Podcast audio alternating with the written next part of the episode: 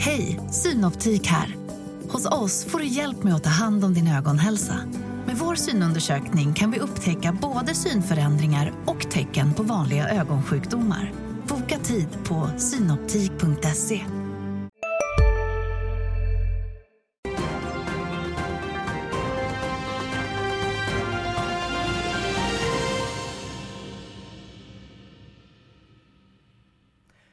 torsdag den 11 maj. Stockholmsbörsen ser ut att avancera närmare en halv procent vid öppning. Det är små rörelser i Asien efter svaga kinesisk inflationsdata än väntat och efter en svängig handelsdag avslutade Wall Street överlag på grönt. Välkomna till Börsmorgon. I dagens program sämre marginaler för Truecaller men VD skönjer en vändning. Efter nio får ni även rapportintervjuer med Ferronordic och Eolus Vind. Och så blir det verkstadscase innan vi rundar. I studion idag Esbjörn Lundvall, aktiestrateg på SEB och Johan Wendel från Dagens Industri. Välkomna hit. Tack så mycket. Det är mer volatilt än på länge. Esbjörn, hur är känslan för marknaden? Jag håller med, det är stor osäkerhet. Eh, kanske mest kritiska frågan tror jag är väl liksom hur långt kommer centralbankerna att gå? Jag tycker att vad det gäller inflationen så ser utsikterna ganska så bra ut. Alltså vi ser ledande indikatorer peka rakt ner och så att säga topp i siffran eller headline-inflationen i alla fall är ju på väg tydligt ner. Men hur mycket vill centralbankerna krama åt då så att säga? Eh, det är, det är en kritisk fråga mm. för, för börsen. Mm. Ja, men hur viktig är inflationen? Det känns ju ändå som att vi har lämnat toppen bakom oss Johan. Ja, men verkligen. Och inflationsutfallen är superviktiga och jag känner väl så här efter att ha läst ECB, eller efter att ha sett ECB-beskedet, Fed-beskedet och eh, Riksbanksprotokollet så känner jag väl, ja nu, nu får de vara klara med att höja. Eh, annars är de inte kloka tycker jag. Mm. Det sorgliga är ju att vi har ju sett just det där inte så jättekloka beslut ett antal gånger historiskt. Med till exempel kvantlättnader och minusränta i högkonjunktur. Lät galet var galet. Man hävdade att det var bara en eh, temporär blipp när inflationen började komma. Lyssnade man på bolagen så sa de allihopa att det har aldrig varit lättare att höja priser än vad det är nu. Och spolar vi tillbaka bandet ännu längre så jag menar 2008, där fortsatte man också då höja in absurdum. Samtid, samma månad som Lehman Brothers kollapsade och hela finansvärlden var i, i gungning så höjde man då också. Så att de har gjort tokiga saker förr så därför ska man inte utesluta att det blir tokigt den här gången också. Å andra sidan kan man väl hävda att ekonomin fortfarande är ganska het. Alltså efterfrågan finns där om man ser till rapporterna i verkstadssektorn. Vi får eh, svensk eh, arbetslöshet idag noterar att den är den lägsta på 14 år. Det är intressanta arbetslöshetssiffror onekligen, men, men samtidigt så vad det gäller resultatutvecklingen för bolagen på Stockholmsbörsen ska man inte sätta ett likhetstecken med svensk konjunktur på.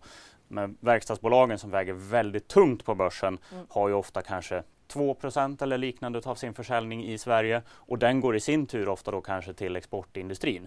Så att eh, i Sverige har vi ändå definitivt ett antal sektorer eh, och delar av ekonomin som är tydligt svag. Eh, så att eh, nog har man väl fått fram en, en ordentlig avmattning åtminstone av svensk konjunktur. Det tycker jag man kan konstatera. Mm. Samtidigt som det är som du säger, en del industribolag rider på en globala trender som är positiva fortsatt. Mm. Jag tycker man inte ska glömma att det är uh, all KPI en, en hel del KPI-data baseras på laggande siffror. Om vi tar USAs KPI, en tredjedel är uh, boendeutgifter som är extremt laggande. Och uh, som man ska, kanske ska basera, det, basera framåtblickande beslut på vad som ska hända i framtiden, inte vad som har hänt redan. Mm. Jätteviktigt. Men då, hur mycket styrka finns kvar i börsen givet vart vi befinner oss idag? Avsåg frågan börsen eller avsåg den konjunkturen i Sverige? Det, var, det är lite olika ja, saker. Nej, men, men äh, börsen. Ja. Eh, vi har ju en ganska positiv syn på till exempel då industrisektorn som är drygt en tredjedel av börsen. Och även bankerna tycker vi att är felvärderade och har rätt bra vinstutsikter. Hälsovårdssektorn ser också rätt så ljust ut för. Men det är klart att eh, någonstans 10-13 procent av börsindex ligger i branscher som har haft det riktigt tufft. En del av det där är redan inprisat, annat är inte inprisat. Mm. Tillväxtbolagen tänker jag att vi ska börja komma in på nu. Vi har ju fått en hel del rapporter här under morgonen, bland annat Truecaller. Eh, bolaget redovisar en lägre resultat och omsättning justerat ebitda-resultat 150 miljoner kronor under första kvartalet att jämföra med drygt 181 miljoner för ett år sedan. Marginalen förbättras jämfört med fjärde kvartalet men i årstakt minskar den till 38,8 procent. Jag frågade VD Allan Mamedi om varför. När vi jämför med förra året i Q1, under den tiden så har vi också växt organisationen. Vi har investerat väldigt mycket i, i talang för att eh, kunna investera i produkten, de olika delarna som vi har eh, i, i bolaget. Så att det är en naturlig del utav det. Sen har vi ju vuxit vår användarbas eh, rätt mycket under, under året, vilket också medför eh, ökade kostnader vad gäller serverhosting och de bitarna. Men där har vi också identifierat eh, möjligheter att kunna förbättra vår arkitektur eh, för att effektivisera den så att vi på lång sikt kan skala och bli ännu fler användare till en lägre kostnad. Och det är de initiativen som vi kickar igång redan i Q1 och vi har börjat se några av de uh, delarna ta, ta fart nu faktiskt. Mm. För marknaden eh, upplever jag är ganska besviken på just marginalen. Det är därför jag undrar lite när vi kan förvänta oss att liksom eh, också eh, liksom på papper se, se den utskiftningen? Alltså om man kollar på våra finansiella mål så har vi sagt att efter 2024 så kommer vi ligga över 35 procent i ebitda-marginal. Och det har vi gjort sedan vi gick på börsen egentligen. Eh, med ett undantag eh, från förra kvartalet där vi också flaggade upp för att vi skulle göra vissa investeringar. Eh, men jag tror att vi kan förvänta oss att ebitda-marginalen kommer ligga här någonstans. För att vi har gjort de investeringar som vi behöver göra från ett organisatoriskt perspektiv. Sen har vi lite kvar att göra, men vi förväntar oss också att effektiviseringen i serverkostnader, verifieringskostnader, de bitarna faktiskt kommer förbättras över tid. Och hela intervjun finns på di.se. Johan, om vi börjar med dig, vad, vad, tycker du om rapporten och det vi hör eh, VD säga här? Ja, men som eh, de var inne på i förra rapporten så guidar de för att första halvåret 2023 ska vara svagt och eh, det syns ju i den här rapporten. Truecaller ska vara tillväxtbolag, de ska inte krympa intäkterna och det är precis vad de gör här. Så att det här kan inte hålla i sig alldeles för länge för att då, det, då ska aktien ner härifrån en hel del. Eh, det som jag förutom prenumerationsintäkterna, eller förlåt, förutom annonsintäkterna som jag kan köpa det finns en konjunkturkänslighet för annonsmarknaden kan vara lite volatil och så vidare. Om man kikar på Truecaller for Business, alltså deras företagserbjudanden, om man kikar på prenumerantintäkterna, så nu sekventiellt har de stått stille, sti, stilla för länge. Och eh, det tycker jag inte är så eh, uppmuntrande tecken. Och kikar man vad analytikerna värderar till, alltså analytikerna tror ju att eh, Truecaller ska växa och det var min förhoppning också. Eh, men fortsätter de så här så är det svårt att se var den tillväxten ska komma ifrån. Mm. Eh, guidningen har ju varit att det ska vända under andra halvåret. Eh, VD vill inte blåsa faran över men är ändå lite mer positiv till hur Q2 har startat. Känns ändå som att det är på rätt väg. Får hoppas att de levererar det för jag instämmer. Det här är ju inte Just nu är det ju inte tillväxt. Sen ska man ju säga att aktien är inte särskilt högt värderad längre heller. Eh, vi har en köprekommendation på den men naturligtvis bygger det på då förväntningar om att det är en temporär svacka i tillväxten här och att den både, både lönsamhet och, och tillväxt kommer tillbaka. Um, så att Förmodligen så behöver de väl bevisa att, att, det, är, att det är en temporär svacka. Mm. Det är ju lite, det är ju lite udda bolag på, på börsen med den här jättestora Indien-exponeringen och Indien är dessutom en marknad som många har ganska dålig koll på i Sverige. Och sen har du då att det är en volatil typ av intäkter från, från eh, annonser och så vidare som är konjunkturkänsligt.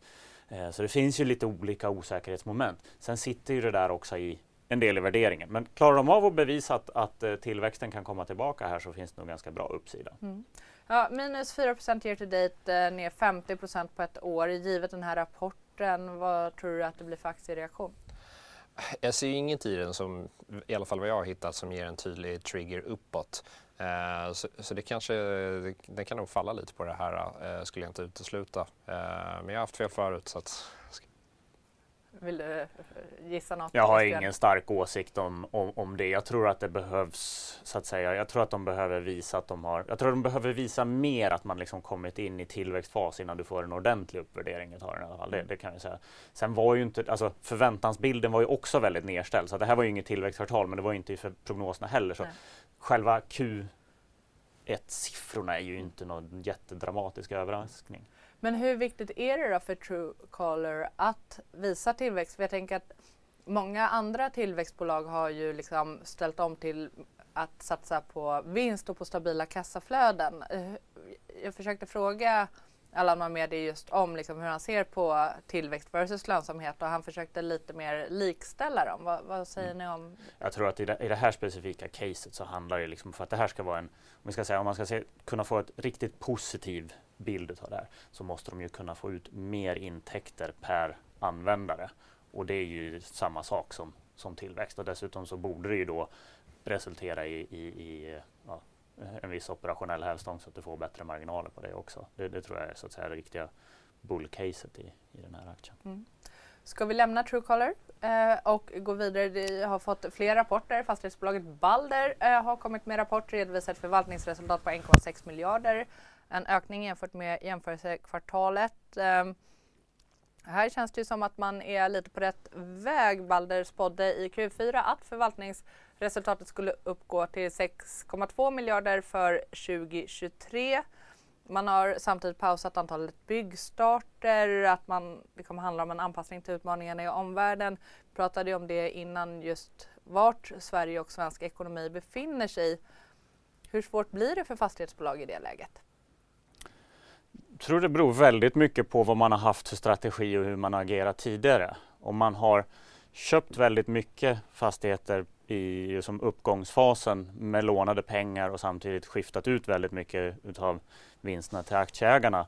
Så, och, och sen kanske om man har en komplicerad kapitalstruktur med många olika prioriteringsnivåer, aktiekapital och hybrider och preferenser och så vidare. så får man, det, så får man, det, får man det svårare än om man har haft en, liksom en, en konservativ, ta ett fastighetsbolag som huvudstaden, de ska inte ha några större problem i det här läget för att de har liksom inte haft den strategin. Så det är mera vad har bolagen haft för strategi än eh, om man äger hus eller inte. Mm. Och det första exemplet där lät... finns några, finns några stycken faktiskt som, ja, som passar in. På bland annat SBB. Det, de har ju haft en strategi som är så och det är ja. klart att den är, då blir det tufft ett sånt här läge. Mm. Eh, men eh, raset i just SBB har ju pressat hela sektorn närmare 10% den senaste veckan. Finns skillnad på bolag och bolag, men vad skulle SBB behöva göra i det här läget? De behöver ju förmodligen stärka upp sin, sin balansräkning eh, och eh, egentligen det de behöver göra är att ta ner kostnaden för finansiering med externt kapital och det är de inte ensamma om utan det finns många fastighetsbolag där man kan se då att räntorna som de tvingas betala på sina obligationslån är alldeles för hög i förhållande till den avkastning som deras tillgångar gör. ger. Och då måste man göra någonting som kan förändra det här. Och det de behöver göra är att ta ner den riskpremium som investerare i obligationerna kräver. Eh, och förmodligen så gör man det bäst genom att stärka upp den egna kapitalbasen, öka andelen egen kapitalfinansiering. Och har man sedan då en komplicerad kapitalstruktur så kan det vara mer komplicerat att att stärka upp kapitalbasen än om man har en enkel sådan. Mm. Men har du några exempel på vad SBB skulle kunna göra? Handlar det om att skifta ut JM?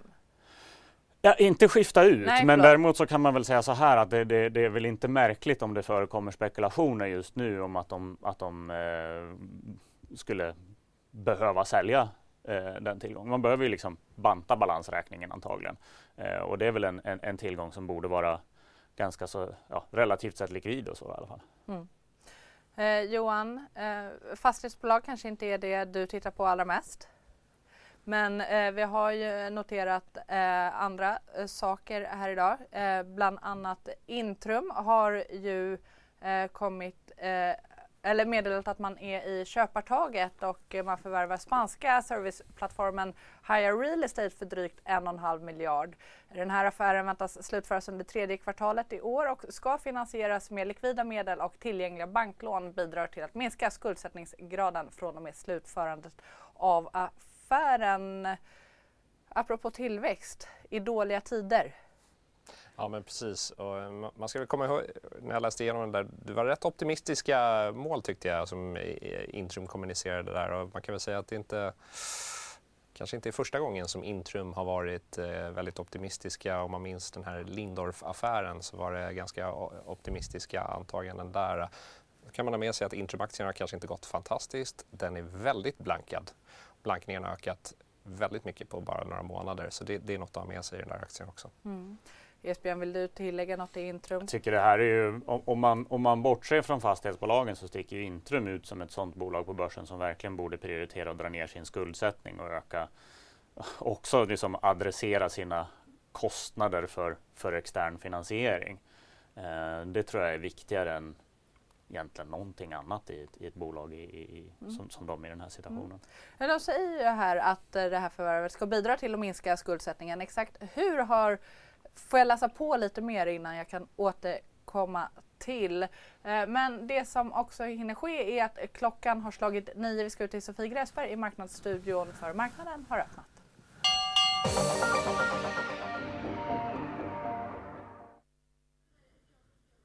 Ja, det går i dur här på Stockholmsbörsen som har öppnat upp 0,4 procent. Och om vi tittar på storbolagsindex så ser vi att vi har SBB i toppen tillsammans med Sinch.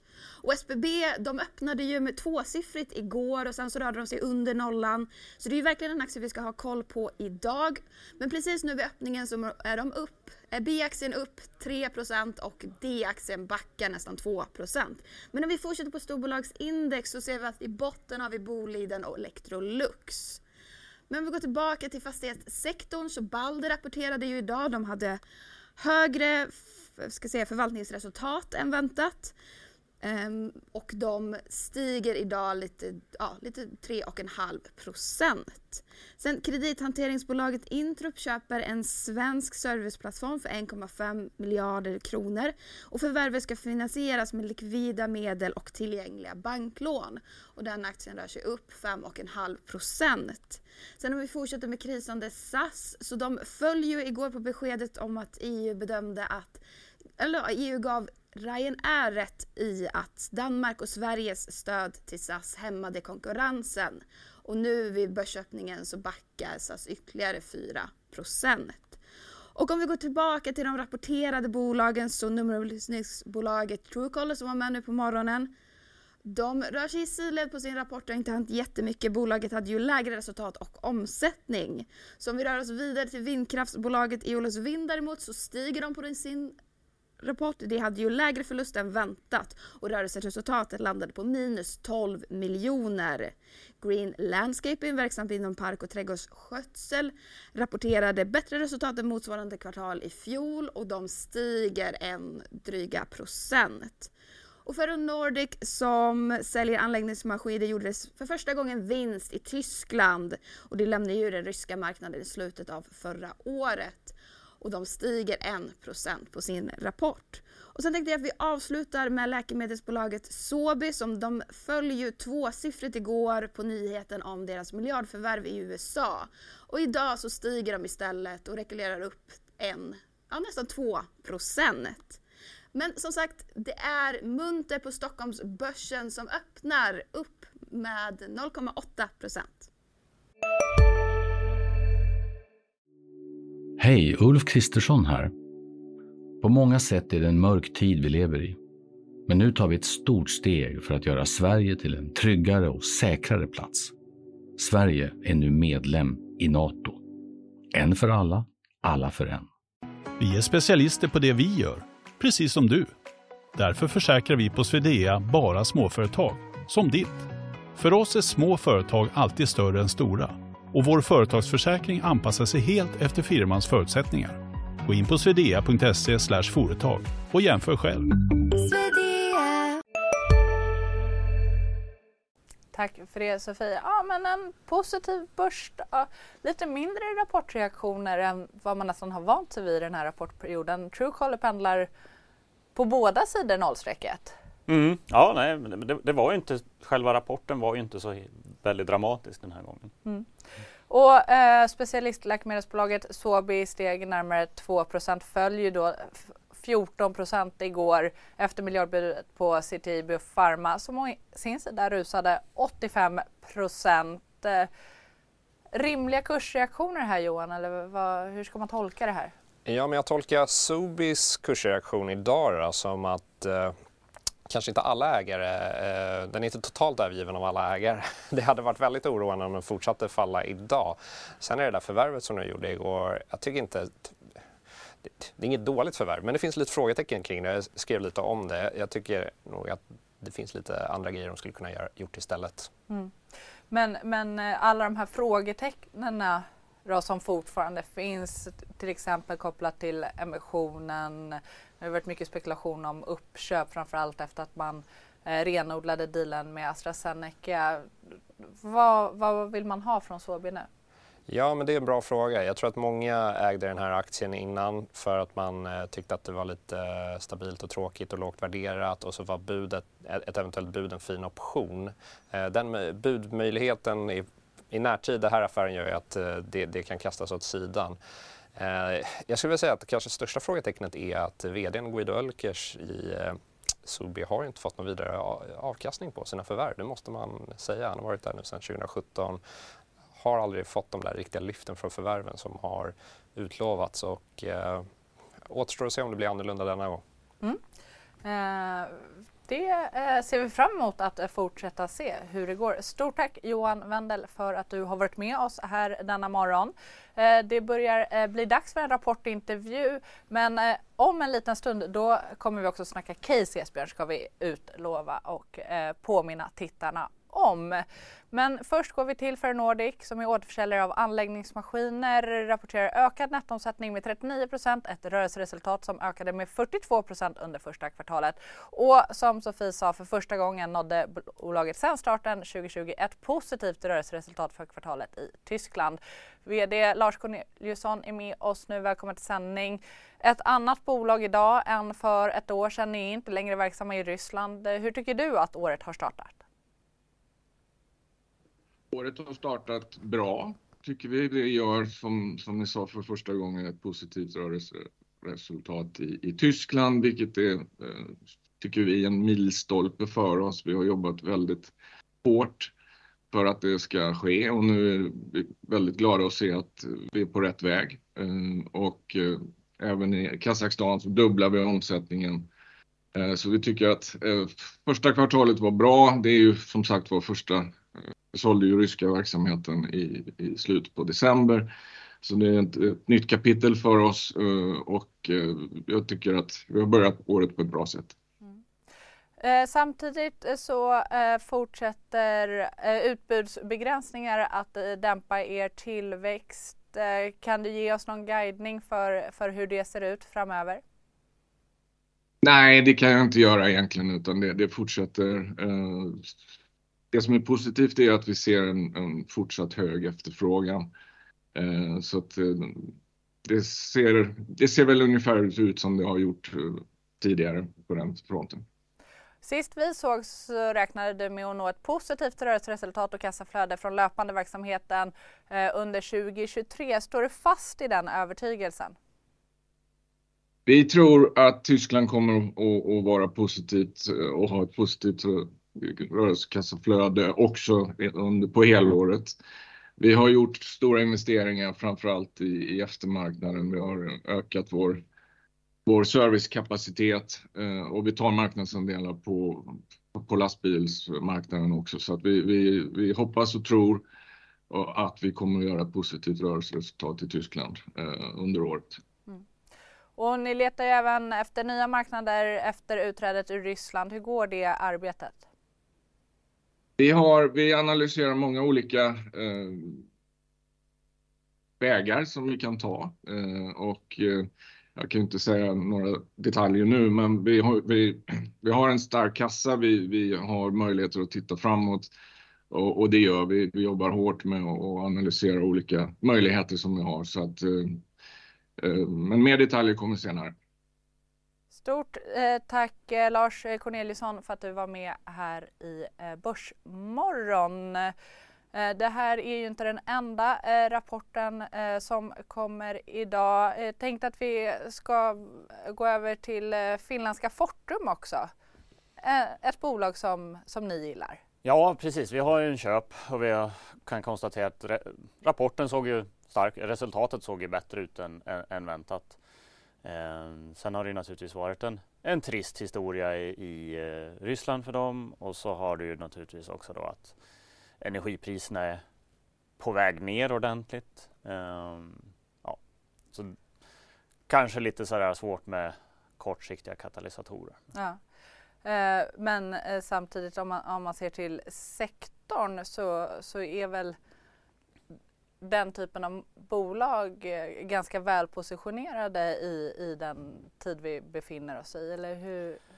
Ja, vi tror ju definitivt att energiomställningen bara har börjat eller så, så är det ju. Så att eh, visst kan man absolut hitta, hitta möjligheter där. Och eh, Fortum med sin profil då mot eh, koldioxidfria eh, energikällor bör ju över tid eh, gynnas utav, utav det här. Sen har de ju gjort så många så många snedsteg längs vägen och skadat balansräkningen och Juniper-historien var väl naturligtvis det, det absolut värsta utav det där. Mm.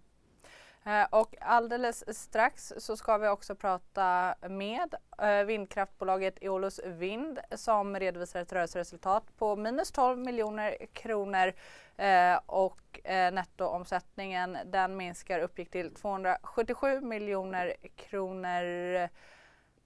Det här lite på samma tema får man säga, vindkraftbolag. Men om vi börjar i Eolus Vind, ett bolag som, som ni också följer? Nej, vi följer inte e- Eolus. Men däremot så, däremot så vi, vi, vi, tittar ju, vi gillar ju sektorn. Mm. Vi följer deras konkurrent OX2 ja. och där har vi en köprekommendation. Uh, och de här bolagen tycker vi har så att säga, eller den typen av affärsmodell, projektutveckling utav det tycker vi är jättespännande då. Eh, och ett bolag som gör det bra då som, som, eh, som OX2. Jag säger inte någonting, vi har, jag har varken plus eller minus, vi har ingen rekommendation alls på EU. Ska jag säga då. Men, men eh, OX2 tycker vi sköter det här riktigt bra. Och de är ju också så att säga de anpassar sig till verkligheten så att om, om vi i Sverige har en regering som av ideologiska skäl inte vill bygga ut vindkraften då får man liksom gå till andra geografier, vilket de gör också då eh, och, och, och, satsa mera där i väntan på att man ska nyktra till på, på hemmaplan och, och, och börja satsa mer här igen. Mm. Eh, men det finns definitivt eh, utrymme för värdeskapande genom den här typen av projektutveckling tror vi. Samtidigt så vill jag ändå ställa frågan hur lätt är det att eh, få lönsamhet i den här typen av bolag? Ja, men alltså det finns ju, så, finns ju många olika affärsmodeller mm. och ska du ha lönsamhet i att äga och driva eh, kraftverk, då ska du ju ha väldigt låga finansieringskostnader naturligtvis. Det är ju en väldigt, eftersom det är en så kapitaltung verksamhet. Eh, inom projektutveckling, där handlar det ju om helt andra saker. Där är det ju så att säga vara duktig på att exekvera det här och duktig på planera det så att du inte får ja, man känner till liksom byggnation av det mesta så finns det risk att eh, kalkylerna spricker och det drar iväg och oförutsedda händelser gör hela investeringskostnaden högre. Om man är duktig på att förbereda sig så att man inte får sådana saker så, så har man definitivt bättre förutsättningar att tjäna pengar. Och bevisligen så har ju vissa bolag eh, varit riktigt duktiga på att tjäna pengar på det där som, som till exempel OX2. Mm. Och nu så ska vi prata med vindkraftbolaget Eolus Vind. Jag drog siffrorna nyss och eh, VD Per Vitalisson är med oss nu. I Q4 så växte er projektportfölj med drygt 4 000 megawatt. Eh, hur ser tillväxten ut i starten här av 2023? Vi investerar stort i eh, både projektportföljen och i organisation för den eh, affärsplanen som vi har lagt för fram till eh, 2024 och åren därefter. Så projektportföljen har växt med 10, 10 under kvartalet och främst havsbaserad vindkraft. Mm. Och eh, om man ser till den totala projektportföljen, den var ju på 21 880 megawatt per 31 december. Vad tror du då om helåret givet hur det har startat? För jag noterade igår att ni ja, då efter Q1 ingått ett samarbetsavtal med finska markägaren eh, Finns Ilva om utveckling av fem vindkraftsprojekt eh, med potential för över 600 megawatt totalt. Ja, vi fortsätter att investera på alla de, eh, alla de marknader där vi är eh, aktiva. Finland är en av de eh, mest attraktiva marknaderna i Norden och vi är glada att ha kunnat ingå ett sådant avtal som ger oss tillgång till mycket mark att arbeta med projektutveckling i Finland. Fokus också på försäljning av eh, svenska vindprojekt eh, Skallberget, Utterberget, eh, Kärnäs, Rosenskog. Hur går det arbetet? Eh, kommer ni påbörja turbinleveranser här under Q2? Turbinleveranser påbörjas eh, i den här eh, stunden eh, och vi kommer eh, eh, vi har 61 verk under byggnation, 385 megawatt totalt sett som alla beräknas att färdigställas under 2023. Och vi, vi skriver i, i rapporten att eh, eh, vi eh, räknar med att kunna färdigställa försäljningen av de projekten du nämner under andra kvartalet. Och undrar också hur försäljningen av Fågelås, Boarp och Dollebo går? Vi skriver att de kommer som nästa, nästa paket av försäljning av projekt och att vi, vi räknar med att kunna sälja dem under 2023. Mm. Eh, Tillsammans med eh, eh, ytterligare ett amerikanskt batteriprojekt. Mm. Och projekt Öjfjället har ju varit en ganska utdragen historia. Är ni helt klara där nu? För, för jag noterar ändå att, att det kommer liksom nya delar i, i det projektet liksom fortfarande. Projektet är färdigställt och eh, vi har kommunicerat under kvartalet överlämnande till eh, eh, vår, vår kund. Vi har redovisat alla förväntade intäkter och kostnader från projektet. Det, det finns ett par utestående aktiviteter kvar att, att färdigställa och som skulle kunna ha finansiella konsekvenser. Men vi förväntar oss ingen, varken Eh, positiv eller eh, negativ påverkan i någon större eh, omfattning från, från projektet. Stort tack Per Vitalisson för att du var med här i Börsmorgon. Eh, Esbjörn, vi har ju hunnit prata om mycket denna morgon. Eh, rapportsäsongen är inne i slutskedet. Summeringen av de stora verkstadsbolagen är att de har överträffat förväntningarna även om de kanske inte har fått så bra betalt sett till aktiekurserna. Lasse Söderfjell var inne i sändning igår på att eh, det kanske har att göra med att analytiker räknar med att de inte kommer kunna hålla uppe vinsterna. Hur ser du på verkstad? Så, så, så, där har det ju varit nu under en lång tid. Jag, jag instämmer, det är klart att den allmänna konjunkturavmattningen kommer att påverka verkstadsbolagen också. Men vi tycker att det är viktigt att ha ett par saker i åtanke. Det ena är som jag redan talat om att Sverige är en ganska liten marknad och svenska konjunkturen är betydligt sämre än, än, än generellt och det är en global. Sen, eh, som är viktigare. Men sen en annan sak som är mycket viktigare ändå och som vi pratade om redan innan den här rapportperioden kom då så att säga. Att det kanske är mer intressant egentligen att, att liksom lyfta blicken och titta hur ser det närmaste decenniet ut tillväxtmässigt för eh, nordisk eh, industri. Eh, klart att någon gång så, så, kommer en konjunktursvacka. Om det sen då är Q3 i år eller om det blir i Q1 nästa år eller så där. Det kanske egentligen är mindre intressant. Det vi ser är att du har ett antal stora förändringar i samhället. Det är den här hållbarhetsförändringen eh, där du har en rad olika förändringar eh, med att man energieffektiviserar, energiomställningen, elektrifieringen, eh, många andra branscher som gör specifika åtgärder, ta eh, stål och cement och så vidare som behöver ändra i processer för att du ska göra det mera hållbart. Det är en av de trenderna som pågår. En annan som är åtminstone kortsiktigt eh, gynnsam för den här industrin men kanske inte på lång sikt. Det är den här förändringen av produktionsinfrastrukturen eh, i världen som kommer efter pandemin och kriget och så vidare.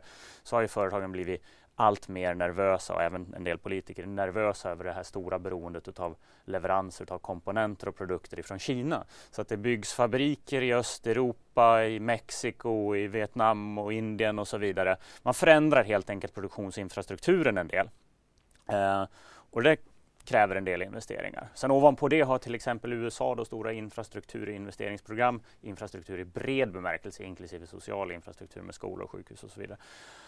Och sen har vi tyvärr också då att det krävs eh, eller, och görs ganska stora eh, satsningar på, på försvarsområdet. Så det är ett par olika så här, tunga investeringsdrivkrafter. Det här gör att vi tror att vi är på väg in nu i en, ska vi säga, ny supercykel. Eh, vi hade ju supercykeln 2002 till 2012 då tillväxten för industrisektorn eh, var väldigt hög drivet då utav eh, stor försäljning till eh, eh driven utav då, eh, urbanisering och industrialisering utav brickländerna som man pratade då om, men praktiken mest Kina. Eh, och sen har vi haft en, ett ganska trist decennium här då, där tillväxttakten har kommit ner. Nu ser vi hur den här accelererar igen. Tack vare en, ett antal sådana om, områden. Grafen som ligger i bild nu är alltså den genomsnittliga omsättningstillväxten för svensk verkstad. Det här är för, för nordisk verkstad, för så nordisk det är mycket, mycket finska bolag med där också, men de svenska väger väl tyngst. Mm. Eh, och det är den genomsnittliga organiska omsättningstillväxten. Mm. Då, då. Eh, och den ser vi då att den ska accelerera ordentligt de närmaste åtta åren. Och det här baseras på då ett djup, djupstudier utav 360 olika slutkundsprodukter. Det kan vara allting ifrån eh, värmepumpar till eh, eh elektriska gruvmaskiner till elektriska eh, bussar och lastvagnar. Ehm, produktionsutrustning till halvledarindustrin, magnetiska kullager. Det är många olika områden. Sen naturligtvis en del av de här sakerna, om du säljer fler elektriska fordon så säljer du antagligen färre dieselfordon. Men man har försökt att göra ett netto av mm. alltihop det här. Då. Så vi har summerat ihop då utsikterna för, för alla dessa produktgrupper för alla de här eh, stora nordiska industriföretagen och konkluderat att vi står inför en rätt ljus tid. Det betyder inte att de inte är konjunkturkänsliga, kommer att svänga lite upp och ner.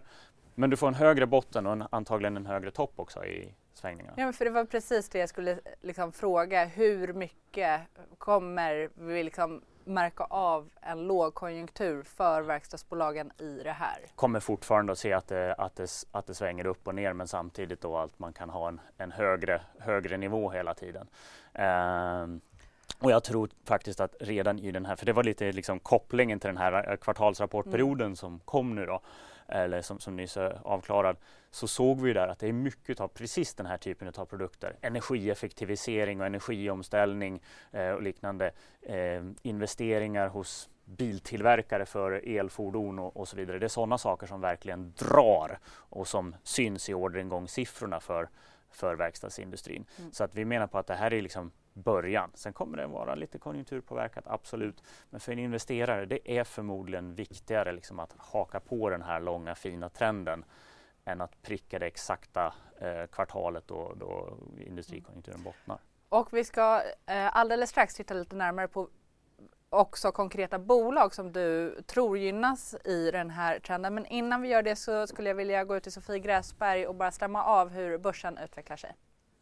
Ja, det blir bara gladare här på Stockholmsbörsen som är upp en hel procent nu. Om vi tittar på storbolagsindex så ser vi att 28 av storbolagen rör sig över nollan och där i botten så har vi Boliden och Electrolux. Men om vi tittar på toppen så ser vi att vi har SEB och Swedbank, båda två har ju fått höjda riktkurser av flera banker. SBB rör sig däremot för väldigt mycket rörelser. Det rör sig upp över nollan och under nollan och nu är B-aktien åter över nollan och upp 1% nästan medan D-aktien tappar 7%. Och om vi fortsätter inom fastighetssektorn så Balder de stärks av sin rapport och är upp nästan 2%.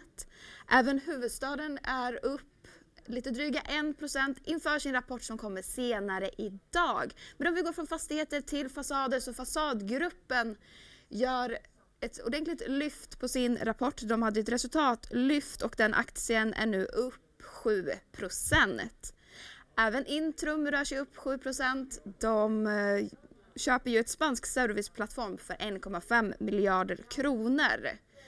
Krisande SAS däremot backar, om än inte lika mycket som igår, men även idag så backar de och är ner 3% men om vi går tillbaka till rapporterande bolag så Truecaller har fått ett ordentligt lyft. Precis vid öppningen så rörde de sig kring nollan men nu är de upp tvåsiffrigt på sin rapport och stiger 12 trots att rapporten visade på lägre resultat och omsättning.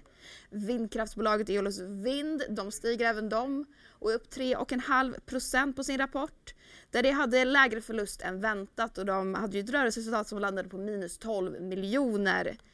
Green Landscaping, även de upp och de stiger 2,5 procent ungefär som vid börsöppningen och de rapporterade ju ett bättre resultat än motsvarande kvartal i fjol. Men om vi flyttar oss till Finland och tittar på Fortum som vi pratade lite om i programmet.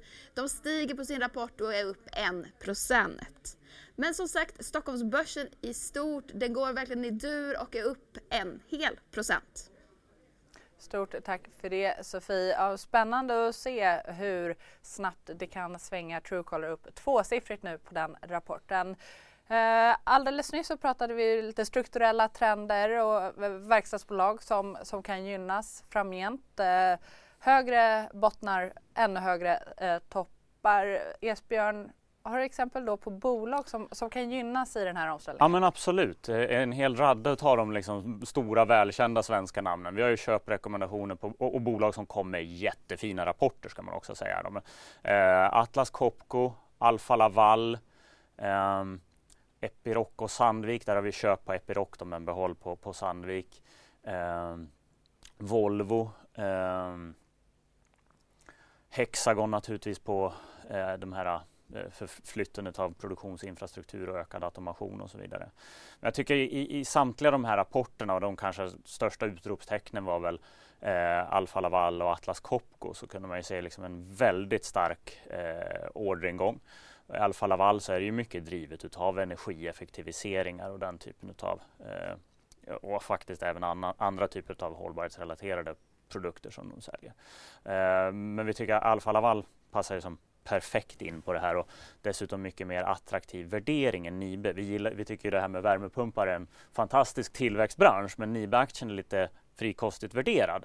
Eh, och Alfa Laval är ju leverantör utav värmeväxlare som är också då så att säga även sådana som är komponenter i eh, värmepumpar. Nu får man inte lika stor på något vis lika stor just värmepumpsexponering via Alfa Laval som, som via Nibe. Men du använder ju värmeväxlare i en massa andra sammanhang för energieffektivisering också. Då. Så att eh, en stor slag, slagsida mot energieffektivisering som är liksom den drivande kraften i, i, i Alfa Laval som vi tror att vi bara egentligen är i början Eh, på. Sen har man massa andra spännande områden som de håller på med. Så tar som eh, biobaserade drivmedel. Det är en tillväxtsektor internationellt även om vi inte vill använda lika mm. mycket i Sverige längre tydligen. Eh, koldioxidinfångning och så vidare. Lite grann samma saker hittar man i, i, i Atlas Copco då, då, där, där kompressordivisionen gynnas av både energieffektiviseringar och lagringslösningar och eh, olika delar av energiomställningen där det handlar om gas, gas och process. Eh, kompressordivisionen var en, en som gick tydligt starkt. Eh, det är ju en temporär svacka nu i den väldigt cykliska men strukturellt växande halvledarindustrin. Och där har de ju då så att säga det som har varit ett problemsegment Atlas Copco under de eh, senaste kvartalen så har det varit deras vakuumdivision på grund av svagheten i, i halvledarindustrin. Eh, det tror vi relativt snart kommer att bli en, en tillväxtmotor även det igen. Mm. Men eh, med Atlas Copco måste jag ändå fråga. På rapporten så eh, rapportrusade man 86 miljarder kronor, alltså börsvärdet rapportrusade 86 miljarder kronor. Det här är det mest någonsin för ett svenskt verkstadsbolag. Hur mycket uppsida finns kvar? Det är ju så här, det ju, att, att det blir många miljarder kronor beror ju på att det är ett stort bolag. Absolut. Det var också väldigt stora siffror i positiv avvikelse. Men definitivt, det här var en av de som fick lite betalt för sina fina siffror. Helt klart. Det hänger naturligtvis ihop med att det är kanske lättare för många att köpa att det här är strukturellt och kommer att fortsätta eh, än bara en temporär grej i, i ett kvartal. Plus att jag tror att det fanns kanske lite oro runt omkring just vakuumsidan då där det ändå liksom växte lite sekventiellt och så vidare. Eh, men så är det, alltså, Atlas Copco är en dyr aktie och det begränsar lite grann uppsidan i den. Så att jag kanske sätter, utav de här två så sätter jag nog Alfa eh, före, men jag gillar bägge två. Mm. Eh, du pratade också lite om Hexagon och liksom hela den här omställningen. Ja, man precis. precis. I, i, en annan, vi har ju många saker som händer samtidigt mm. här va? med att liksom ny digital teknik möjliggör ökad automation och liknande. Samtidigt så är det ju brist, vi pratade här om, om arbets, eh, den låga arbetslösheten mm. och, och, särskilt inom industrisektorn så eh, är det ju brist på arbetskraft. Det var något av de här stora svenska företagen som sa att det går ju alldeles utmärkt att bygga en ny fabrik i USA men hur ska vi bemanna den? Så du måste ju liksom både ta kostnadsskäl och för att det liksom helt enkelt inte finns eh, rätt kompetens i tillräcklig eh, utsträckning. Eh, alla de här faktorerna plus att det är möjligt gör ju att du automatiserar mycket, mycket mer.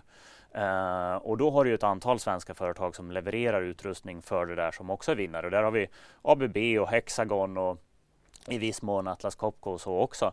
Uh, så det, det, är en, det, är en, annan av de här uh, tillväxttrenderna. Mm. Något som är både då tillväxt, eller vad säger, något som är både hållbarhetsfrämjande och automatiserande. Det är ju så här fjärrstyrda elektriska gruvfordon. Och gruvindustrin är ju i sig då finansiellt stark, har underinvesterat under lång tid som vi ser det. Uh, och det finns ett stort behov av metaller om vi ska klara av den här energiomställningen och elektrifieringen. Så att det är liksom en i grunden bra efterfrågesituation och lönsamhet och balansräkningar i gruvindustrin. Samtidigt kan de då sänka sina kostnader för produktionen uh, samtidigt som de kraftigt reducerar sina utsläpp om de byter ut då eh, dieseldrivna maskiner i gruvorna mot elektriska. Och här har vi då Epiroc och, och, och Sandvik som kan leverera det där. Som kan liksom hjälpa gruvbolagen att eh, förbättra sin produktivitet och sänka sina utsläpp. Samtidigt som deras eftermarknadsaffär också då automatiskt ökar som, som en del av det. Eller inte automatiskt men med, med stor sannolikhet kommer att öka till följd av det där. Samtidigt så svek väl marginalerna förhandstipsen mm. lite där? Det var, om, om vi talar om, eh, om, om, Sandvik specifikt så var det ju lite granna eh, valutarelaterade säkringar som var konstig timing på och så vidare. Så att i bägge de här två fallen får man väl säga Epiroc och Sandvik så var ju inte kvartalsrapporterna så fantastiska. Och återigen då, vi har bara en, en, en behåll på Sandvik men en, men en mm. köp på Epiroc. Men jag kunde inte låta bli att i sammanhanget här, även om inte just då de är kvartalsrapportscase, mm. så är de ju ganska tydliga vinnare på de här trenderna som jag pratade om. Mm. Um. Och sen så vill jag också eh, ändå fråga, för vi pratar ju otroligt mycket om eh, valutaeffekter kopplat till de här bolagen. Hur, hur stor risk ser du att allt är dopat? Ja, att, att, allt, är dop, att allt är doping, det, det ser jag låg risk för att det ska vara. Men helt klart är det naturligtvis att, att du har haft mycket hjälp av valutan. Sen har ju den effekten antagligen klingat av något och jag tror definitivt att den kommer att bli eh, ännu lägre framöver. Sen har man andra saker som man kan ställa sig frågan om runt omkring som är så att säga lite grann temporära. Att här i Q1 så var det ju många många gynnsamma faktorer som, som sammanföll. Du fick bort de här eh, flaskhalsarna i transport och komponenttillgång och halv, halvledarbrist och så vidare.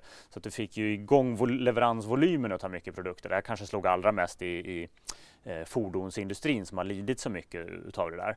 Eh, samtidigt som du fick lyckades till slut få igenom prishöjningarna som man har gjort för att kompensera för tidigare prisuppgång på, på mycket råvaror och insatsvaror. Och det, de pris kompenserande prishöjningarna kom ju samtidigt som energipriset har rasat igen och transportkostnaderna har rasat och många råvarukostnader också har kommit ner och ser ut att fortsätta komma ner eh, eh, under ett antal kvartal här framöver. Eh, så det är klart att det blir en trevlig kombo där med liksom bra voly bättre volymer än vad det har haft på en tid eh, samtidigt som kostnader ner och, och priser upp. Eh, så lite granna kan det väl ha varit så att vi i, här i första halvåret i år sitter i en ovanligt eh, bra sits. Det är säkert delvis det som gjorde att vi i snitt fick så dåligt betalt för de här fina rapporterna. Men återigen då, då eh, det är kanske början på en lite mer långsiktig trend och det är den som är det viktiga. Den är det viktiga och den trenden eh, sätter också slutordet för eh, dagens program. Stort tack Esbjörn Lundevall för att du har varit med oss denna morgon. Eh, och eh, stort tack också till er som tittar. Som ni vet kan ni nu för tiden också eh, lyssna på oss precis när ni vill. Om ni vill eh, kunna gå tillbaka och höra Esbjörns resonemang igen. Alla intervjuer och klipp finns Eh, på di.tv eller programmet då som podd där poddar finns. Missa inte Börskoll klockan två. Där blir det en genomgång av svenska fastighetsbolag med kreditvärderingsinstitutet Standard och Poor's. Jag heter Nika Mikibes och önskar er alla en trevlig dag. På återseende.